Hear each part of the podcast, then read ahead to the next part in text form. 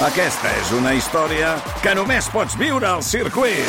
24, 25 i 26 de maig. Gran premi Monster Energy de MotoGP al circuit de Barcelona, Catalunya. Compra ja les teves entrades a circuit.cat. Viu-ho! Històries per explicar a l'hora de sopar. La història d'avui passa en un caixer automàtic de la Caixa, a la cantonada dels carrers Guillem Tell i Saragossa, al barri del Ferró de Barcelona, a mig camí entre la plaça Lesseps i la plaça Molina. Cada nit, quan s'acaba Islàndia, de camí cap a casa, hi passo per davant. El dia que n'hi ha menys, veig dues persones que dormen al terra del caixer. El dia que n'hi he vist més, eren cinc, l'un al costat de l'altre. Sempre em quedo amb ganes d'entrar a preguntar si saben què va passar aquí, en aquest caixer on dormen, un 16 de desembre de 2005. Avui fa exactament 14 anys. No hi entro i me'n vaig cap a casa pensant que si no ho saben, potser millor. Som, doncs, a la matinada del 15 al 16 de desembre de 2005. Aquella nit, en aquest mateix, en aquest mateix caixer de la caixa, hi dorm una persona, una dona. Una dona que trenca amb aquell tòpic que al carrer només hi ha homes. Al carrer hi ha de tot, i el desembre fa fred. Millor, per tant, protegir-se a dins d'un caixer que l'intempèrie. Maria Rosario Endrinal Petit, la dona que avui dormirà en aquest caixer de la Caixa, té 51 anys. El del caixer no és el seu barri. Ell és de Sants. Hi ha nascut, filla d'una mare de Valladolid i un pare de Lleó. La coneixen com la Charo, la Charito, quan era petita.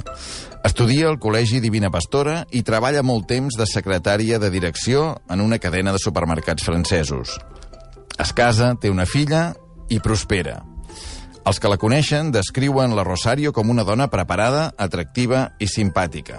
Li agrada la poesia del mexicà Amado Nervo i la música de Jacques Brel o de Janet. Parla francès i freqüenta la cafeteria Sandor, a la plaça Francesc Macià de Barcelona. S'enamora d'un dels seus caps, a la feina, i marxa a França amb ell. La història durarà poc i acabarà malament.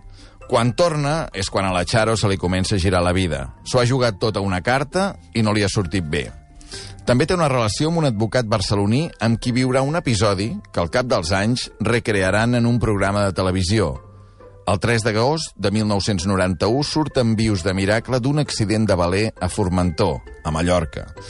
L'any 95, quatre anys després, explicaran el cas en un programa que presenta Constantino Romero a Televisió Espanyola, Valor i Coraje. La propera vegada que es parli d'ella, a la tele i a tots els mitjans, serà pel que passarà en aquell caixer de la Caixa el 16 de desembre de 2005, tal dia com avui de fa 14 anys. Rosario Endrinal, com tantes altres persones que no han nascut al carrer, acaba vivint al carrer.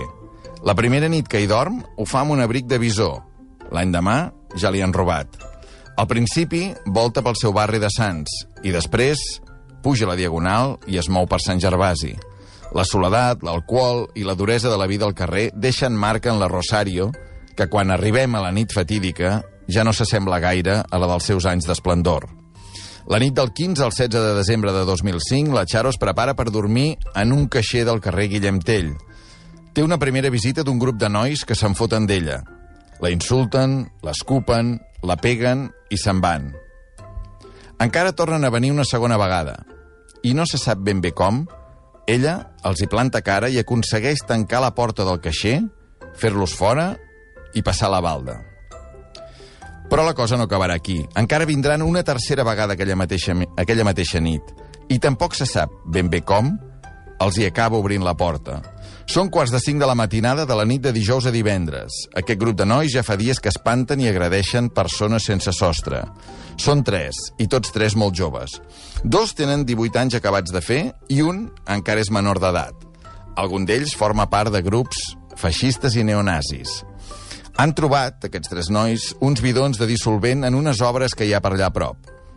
Entren, la ruixen amb el dissolvent, li llencen una borilla i calen foc al caixer amb la xaro a dins. Les càmeres de vídeo de l'entitat d'estalvis ho enregistren tot, fins que la pantalla queda negra. Els nois marxen corrents. La Charo, que té cremades molt greus, el 70% del cos, és traslladada a la Vall d'Hebron. És allà on morirà al cap de dos dies. Periodistes com Arturo San Agustín i Pere Meroño escriuran llibres sobre Rosario Endrinal Petit, la Charo, la Charito. Els autors del crim seran jutjats el 2008 i condemnats per assassinat a 17 anys de presó, als dos majors d'edat, i a 8 anys d'internament al menor.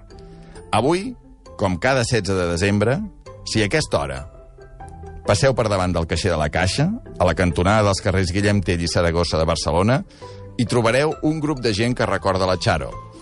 I quan se'n vagin aquest grup de gent, i jo vull tornar cap a casa, com faig cada dia, miraré dins del caixer i em preguntaré si els que avui dormiran aquí, que no sé si seran dos o seran cinc, saben què hi va passar aquell 16 de desembre de 2005. I pensaré si els que fins ara hem tingut la sort de tenir sempre una llar som conscients que també, o que tothom, que veiem dormint al carrer, un dia també en van tenir una de llar i una de vida. Històries per explicar a l'hora de sopar.